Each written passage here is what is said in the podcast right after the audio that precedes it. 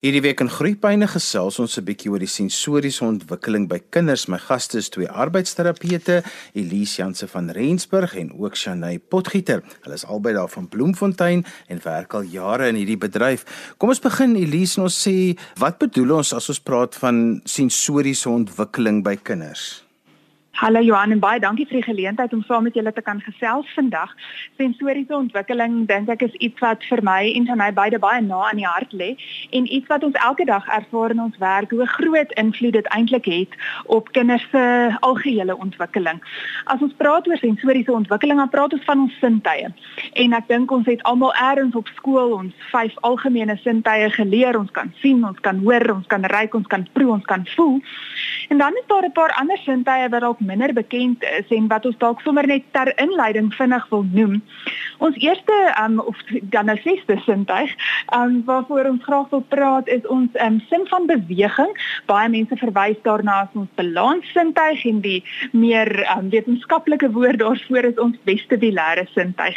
Hierdie sintuig sit in ons binneoor en dit reguleer eintlik ons verhouding met swaartekrag en ons verhouding met beweging in die omgewing.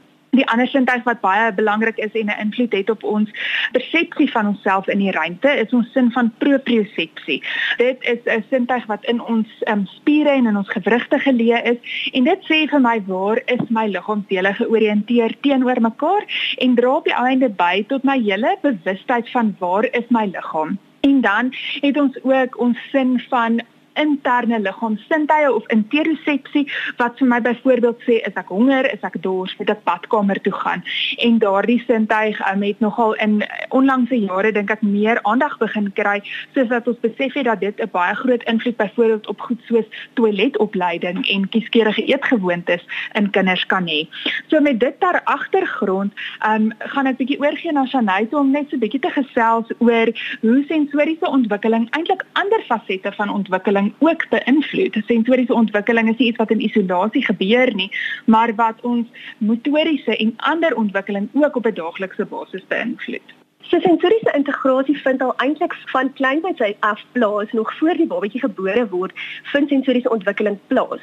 Jy weet 'n babatjie word kan al hoor binne in die binne in die mamma se maag dat mamma met my praat of dat ek beweeg, dat my kop onderste bo is en dat ek hierdie gevoel het van waar my lyfie in die ruimte is.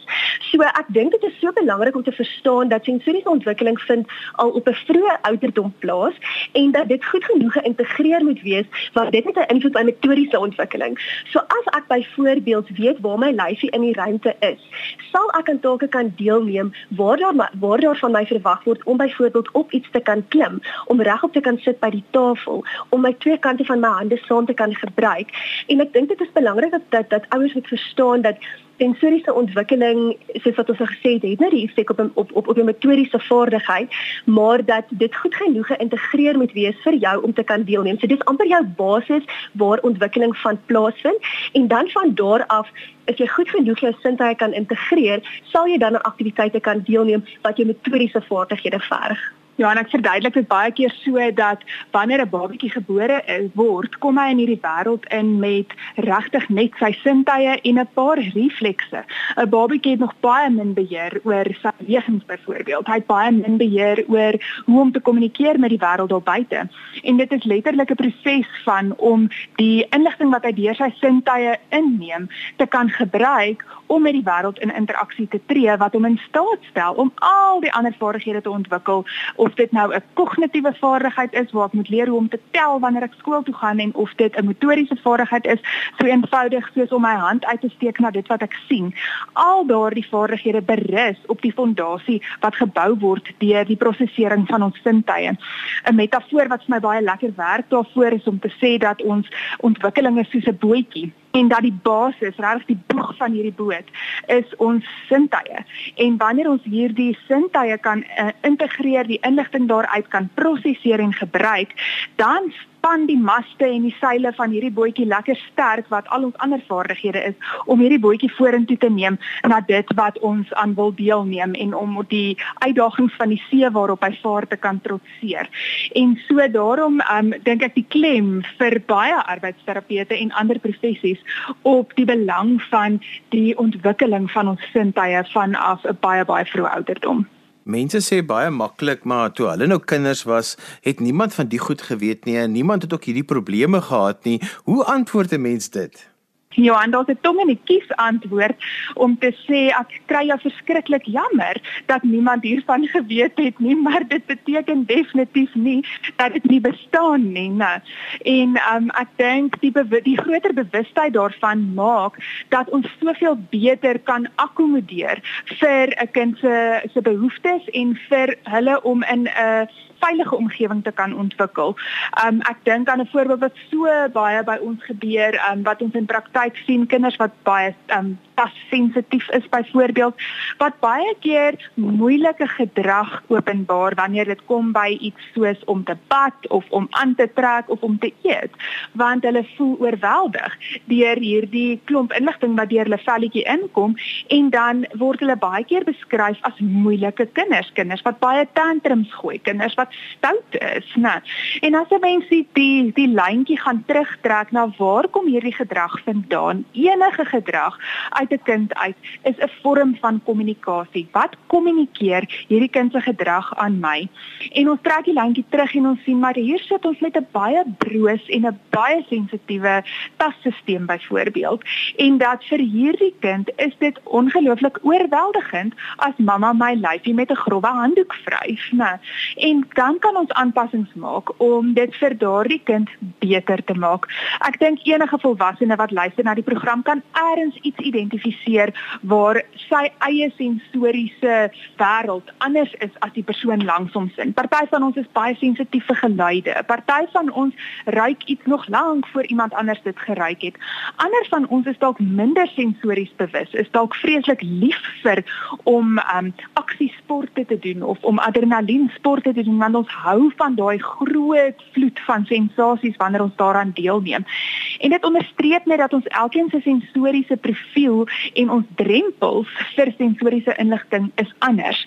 En wanneer ons kan begrip hê vir dat elke persoon of dit nou 'n jong kind is, 'n babatjie, 'n volwassene, 'n bejaarde persoon, enige iemand het 'n unieke profiel van hoe hy sensoriese inligting prosesseer. En begrip vir daardie unieke profiel maak ook dat ons daardie persoon se gedrag, dit wat hy na buite toe wys, beter kan verstaan en interpreteer en dalk miskien die wêreld net so bietjie lekkerder en 'n beter plek maak vir daardie kind wat dalk 30 jaar terug 'n baie harde en moeilike tyd sou gehad het en dalk nou as volwassene beleef dat hy sukkel met emosies of sukkel met angstigheid omdat daardie begrip was vir die probleem wat hy as 'n 2 of 'n 3 of 'n 5 jarige kind gehad het nie. Ek stem saam met jou Elise en ek dink baie keer sien mens ouers wat voor jou sit en as jy dit begin verduidelik, dan is dit asof die asof hulle oë oop gaan en hulle begin besef, "Jesus, maar dit maak nou vir my sin. Ek kan assosieer met my kind want ek self is dalk te sensitief. Ek self was misverstaan as 'n kind want ek het ook hierdie gedrag gehad wat niemand verstaan het nie. So dit is altyd vir my wonderlik hoe ouers ook begin eintlik 'n selfondersoek begin doen en dan agterkom Jesus maar ek het as kind ook deur dit gegaan en hulle verstaan hulle self ook baie beter en so ook dan nou hulle kind.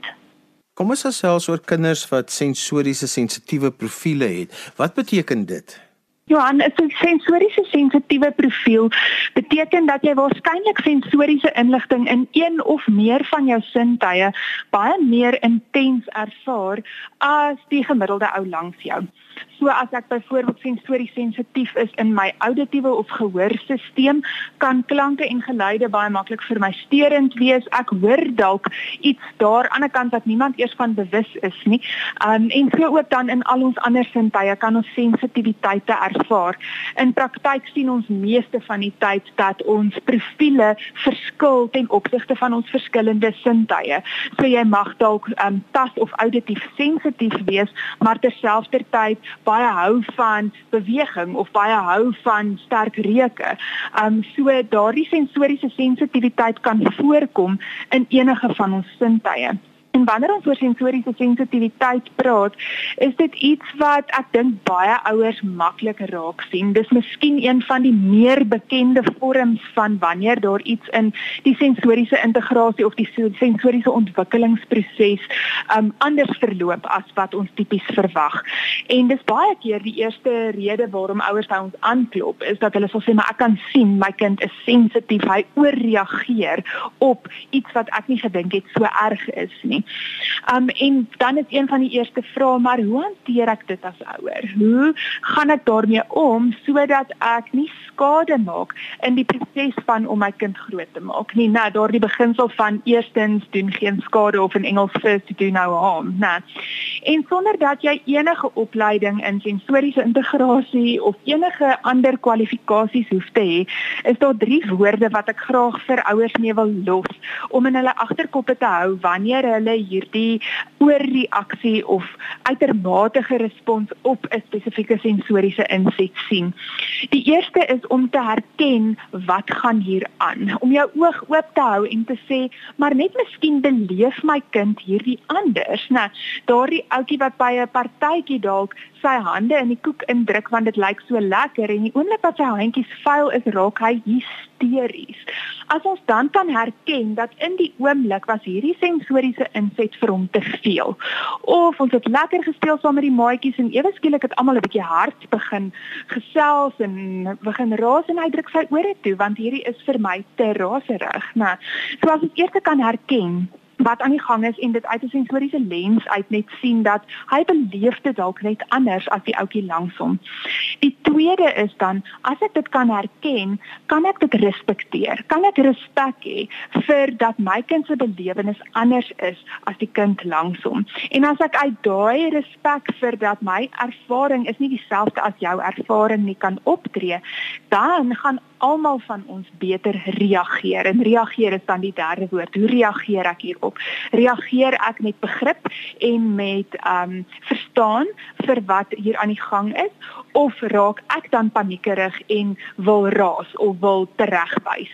En ek dink as 'n mens daardie drie woorde so bietjie in jou agterkop hou wanneer dit kom by hierdie sensoriese sensitiwiteit om te erken wat gaan aan, om te respekteer dat jou ervaring kan anders wees en om dan te reageer dienooreenkomstig met die eerste twee dan um, gaan dit ook ons lewens as ouers party daar vir ons makliker maak om nie die druk te voel wat van buite af op ons as ouers is om perfekte kinders met goeie maniere en geregistreerde gedrag te hê nie want dan weet ons dat daardie gedrag wat vandag bietjie anders is as wat dit gister was 'n goeie rede voor het. As jy sopas ingeskakel het, jy luister na Groeipyne saam met my Johan van Lille. Ons gesels vandag 'n bietjie oor sensoriese ontwikkeling by kinders. My gaste is twee arbeidsterapeute, Elise Janse van Rensburg en Shanay Potgieter.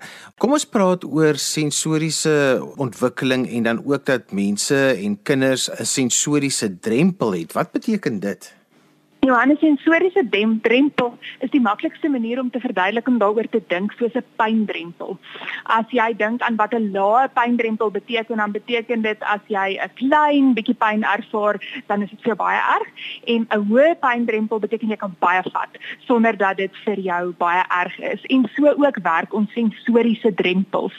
Um die gedagte van sensoriese drempels is deur 'n Amerikaanse arbeidsterapeut Winnie Dan die eerste keer um beskryf en en sy dan ook 'n model na aanleiding waarvan sy basies amper ons sensoriese persoonlikhede of ons sensoriese profile verduidelik aan die hand van hierdie drempels. En ons sensoriese drempels bepaal dan voorspel hoe ons gaan optree in reaksie op sekere sensoriese inligting. So 'n lae sensoriese drempel argument onthaalwe in jou auditiewe stelsel as ek hier daardie voorbeeld kan gebruik, um, gaan bepaal dat ek sensitief gaan wees vir geluide en dat geluide dalk maklik vir my oorweldigend kan wees. En dan 'n hoë drempel in 'n stelsel kom ons sê jou tasstelsel beteken dalk dat jy baie aanraking kan aanvaar sonder dat dit vir jou sterend gaan wees. Jy het baie lief daarvoor om vir 'n massering te gaan want daardie tasinsette is vir jou stelsel iets wat jy van hou en wat jou stelsel meer van kan verdra en ook meer van soek partykeer Shanaywe, dis nou nogal belangrik dat onderwysers moet bewus wees van hierdie sensoriese drempels in hulle klaskamer en dat elke kind sin verskil. Absoluut Johan, dit is so uitsonderlik belangrik dat 'n onderwyser moet bewus wees van 'n kind se sensoriese drempels. Want kom ek gee 'n voorbeeld. As jy in die klaskamer sit en jy is dalk tassensitief, so jy het 'n lae drempel en die juffrou posisioneer jou langs 'n maatjie wat 'n hoë drempel het en daardie maatjie beweeg dalk heeltyd. Die maatjie se se se pen is dalk gedurig op die vloer en die maatjie raak aan jou en jy wat langs langs die maatjie sit is dalk tassensitief, kan dit daai kind regtig oorweldig. Daai kind kan in oorstimulasie ingaan en op die einde van die dag kry die kind is die kind nie gereguleer nie. So dit is uitsonderlik belangrik dat 'n onderwyser verstaan oor 'n kind se verskillende drempels en ek gaan 'n paar voorbeelde gee waar 'n onderwyser dalk sal kan help in terme van strukturering en posisionering van die kind. So as jy byvoorbeeld visueel baie sensitief is, is dit dalk 'n goeie plan om 'n kind in 'n in 'n gedeelte van die klaskamer te sit waar daar nie 'n baie besige agtergrond is nie, waar daar dalk nie baie besige plakkate teen die muur is nie waar waar dit dalk 'n omgewing is waar daar minimale visuele stimulasie vir die kind is. As dit 'n kind is wat dalk tassensitief is, sal dit goed wees dat daai kind nie in 'n plek geposisioneer word soos wat ek nou voorheen gesê het dalk langs 'n maatjie wat dalk um, baie soekend is nie, maar selfs net so geposisioneer word dat almal dalk nie verby hierdie maatjie moet skuur en beweeg nie. So daai maatjie gaan dalk in 'n gedeelte van die klas sit waar waar die juffrou weet daar is min voete dieselfde dalk met 'n ouetjie wat sensories soekend is, wat dalk 'n baie hoë drempel het. Vir hierdie kind wil mens dalk die geleentheid gee om beweging te kan hê, sou die kind dalk soekend in sy in sy bewegingsstelsel wees. Kan mens dalk die kind akkommodeer om om dalk op 'n kussentjie te laat sit wat wel beweeg, 'n vroetelkussentjie. Of as jy dalk 'n kind het wat auditief ehm um, auditief dalk baie soekend is, kan dit goed wees om die kind dalk te posisioneer nader aan die venster teenoor 'n kind wat dalk auditief sensitief is, wil jy weer dalk nie by die venster sit nie. So ek dink dit is belangrik dat onderwysers elke kind se unieke sensoriese profiel moet verstaan en dan dien ooreenkomstig die kind posisioneer. Elise, want 'n mens kom jou eie kinders se profile en jouself eintlik baie maklik agter as jy die lang pad vat en jy is in 'n taxi of jy ry iewers heen. Verseker Johan, ek dink daar's niks soos 'n bietjie uit ons gemaksone uit beweeg nie of in op die lang pad tyd moet spandeer om agter te kom wat dit is wat die kriewels veroorsaak nie. Um ek dink een van die metafore wat ek ook graag gebruik is die metafoor van 'n emmertjie en om te sê ons almal het 'n sensoriese emmer. En as ons sensories sensitief is, is ons emmer gewoonlik nogal klein. En so dan begin ons baie vinnig um oorloop en ek sê altyd dit loop daar by die oë oor in vorm van trane. Um, as ons in die in die kar moet sit en dan klaar die sitplek gordel en dan sit my broek te styf en dan ryk die kar nie lekker nie en dan is dit net te veel. So daardie klein emmertjies, die sensitiewe profile gaan vir jou dit baie vinnig op daai manier wys. En dan jou groter emmertjies, die ouetjies wat meer nodig het en meer kan hanteer, gaan dalk die een wees wat op die langpad vir jou begin kerm en sê ek kan nie meer stil sit nie. Ek moet nou uit hierdie kar uitklim, mamma.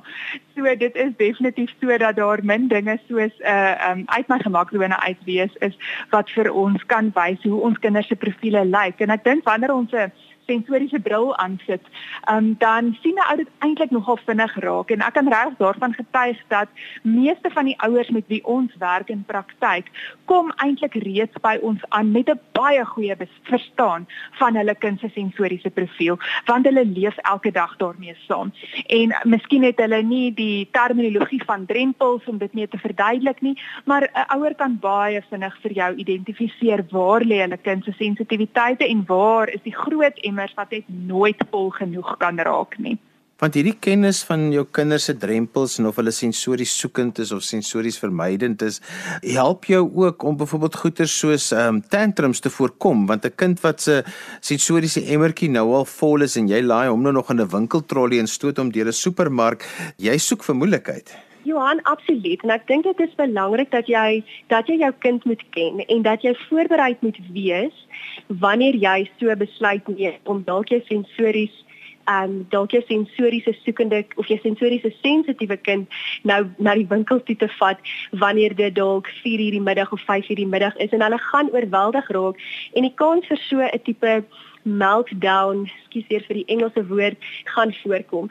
So ek dink dit is belangrik dat ouers dit moet bestuur en dit is belangrik dat jy moet kennis dra van dit. So wanneer jy winkels toe gaan en jy weet jy dalk 'n sensoriese sensitiewe kind, moet jy kies wanneer jy jou winkelbesoek gaan doen. Dit gaan dalk nie na skool wees wanneer die kind alreeds vreeslike baie sensoriese ervaring alreeds deur die dag gehad het nie.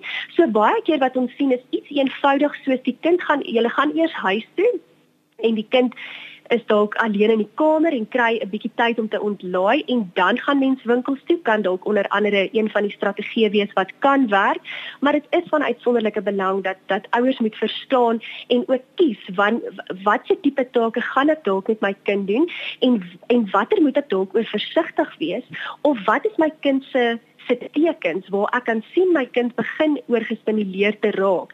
En dan moet mens verstaan dat mens dan dit moet respekteer en nie jou kind verder oorstimuleer of disreguleer nie. Want wat baie keer gebeur is dan bel juffrou nou vir jou te sê maar jou kind klap sy bank of hy klap sy hande skielik in die klas of hy doen iets om aandag te trek, maar dan is dit baie keer omdat sy sensoriese emmertjie is nou vol en dit raas. So 'n mens moet ook nie altyd net vir kinders wil ek amper sê sê maar dit kan jy mos nou nie plaas hulle sê dit raas in die klas nie en baie keer doen hulle gedrag om eintlik stilte te kry sodat hulle kan dink en my simpatie is baie keer met die kinders dat hulle dan raas kry as hulle sulke gedrag toon, maar eintlik probeer hulle mos net hulle self reguleer. Absoluut Johan, ek dink dit onderstreep net weer dat alle gedrag is kommunikasie. Alle gedrag sê vir ons iets van daardie kind se belewenis op daardie oomblik. En ek dink die voorbeeld wat jy gee is so 'n raak voorbeeld van wat ons dikwels beleef. 'n juf, Juffrou of 'n mamma sal baie keer sê maar hulle kind kan nie auditief sensitief wees nie want hy maak so baie lawaai. En dit is juist daardie lawaai waaroor die kind in beheer is, die lawaai wat hy self maak of self beheer wat vir hom toelaat om die lawaai van die klaskamer of die winkel of waar ook al hulle beweeg as as dit ware uit te doof en amper uit te filtreer sodat sy emmertjie nie so vol moet raak nie. So beheer is nogal 'n sentrale tema wanneer dit kom by sensoriese sensitiwiteite veral um, dat waar 'n kind in beheer is van die sensasie of in beheer voel van die sensasie, is hulle reaksie gewoonlik minder groot op daardie sensasie. Maar wanneer hulle nie in beheer voel nie, soos geluide wat jy net nie kan beheer hoeveel daarvan kom in jou oor in nie, um, is iets wat baie maklik dan kan aanleiding gee tot ander gedrag wat eintlik probeer kommunikeer dat hierdie is vir my te veel. Tyd om op te som, wat het ons vandag? Wat is ons boodskap vir ons ouers vandag? Elise Janse van Rensburg. Johan, dankie vir die geleentheid om oor hierdie groot passie onderwerp van ons te gesels. En ek dink as ek een boodskap kan huis toe gee is wanneer jy sien dat jou kind reageer anders as wat jy gedink het hy gaan reageer of as wat die maatjie langs aan hom reageer, Hier is 'n stemmetjie in jou agterkop wat vir jou vra, wat probeer my kind kommunikeer? Wat in sy sintuie, wat in wat hy ervaar in hierdie omgewing is dalk vir hom moeilik en is dalk vir hom moeilik om te prosesseer en is dit dalk iets wat 'n invloed het op dit wat hy nou doen? En wanneer jy daardie gedrag dan kan herken en dit kan respekteer, kan jy daarop reageer um, op 'n manier wat jou verhouding met jou kind sterker gaan maak en um, vir julle albei meer positiewe uitkomste gaan gee. Shanay Potgieter, so 'n laaste gedagte van jou af oor sensoriese ontwikkeling van kinders?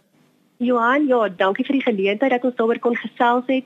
Ek dink vir my gaan dit daaroor dat jy as ouer moet jou kind moet jou kind se sensoriese behoeftes erken en dit verstaan en selfs al al al beteken dit dat jy moet gaan hulp kry om dit beter te kan verstaan sou ek elke ouer aanmoedig wanneer jy hierdie tekens sien, gaan en gaan kry hulp, gaan kry 'n professionele opinie en kyk waar jy jou kind kan help, want ek dink almal van ons het al eendag eens op 'n tyd dalk selfs 'n sensoriese oorlading beleef en ons weet hoe dit voel. En ek dink as ons kan keer dat ons kinders deur so iets gaan, want hulle kan nie dit beheer nie dit is van 'n ongelooflik sleg en hulle kry gewoonlik baie skaam daaroor dan dink ek sal sal dit vir hulle so voordelig kan wees as 'n as as ons hulle kan help kry en ek dink daar is die regte hulp daar buite Elisa, mense met julle verder wil gesels, jy en Shanay is by dieselfde praktyk. Hoe kan mense met julle kontak maak? Dankie Johan. Ons is by Sensory Roots Arbeidsterapie in Bloemfontein en um, as hulle met ons wil kontak maak, is hulle baie welkom om van ons 'n e-pos te stuur. Um, ons e-posadres is info@sensoryrootsot.co.za en ons het ook 'n Facebookblad waar hulle ons kan um, beter leer ken en een van die dae ook 'n uh, webblad wat aktief sal wees binne die volgende paar weke. As hulle daar ook meer inligting wil bekom, ons probeer ook op die webblad um, inligting deel rondom hoe jy ook hierdie sensoriese tekens in jou kind kan identifiseer. En daarmee het ons gekom aan die einde van vandag se groeipyne. Ons het gesels oor sensoriese ontwikkeling by kinders. My gaste was twee arbeidsterapeute, Elise Janse van Rensburg en Shanay Potgieter. Onthou jy kan weer na vandag se program luister as 'n potgooi. Laai dit af by resgep.co.za. Skryf gerus vir my e-pos by groeipyne@resgep.co.za. Dan groet ek dan vir vandag tot volgende week van my Johan van Lille. Totsiens.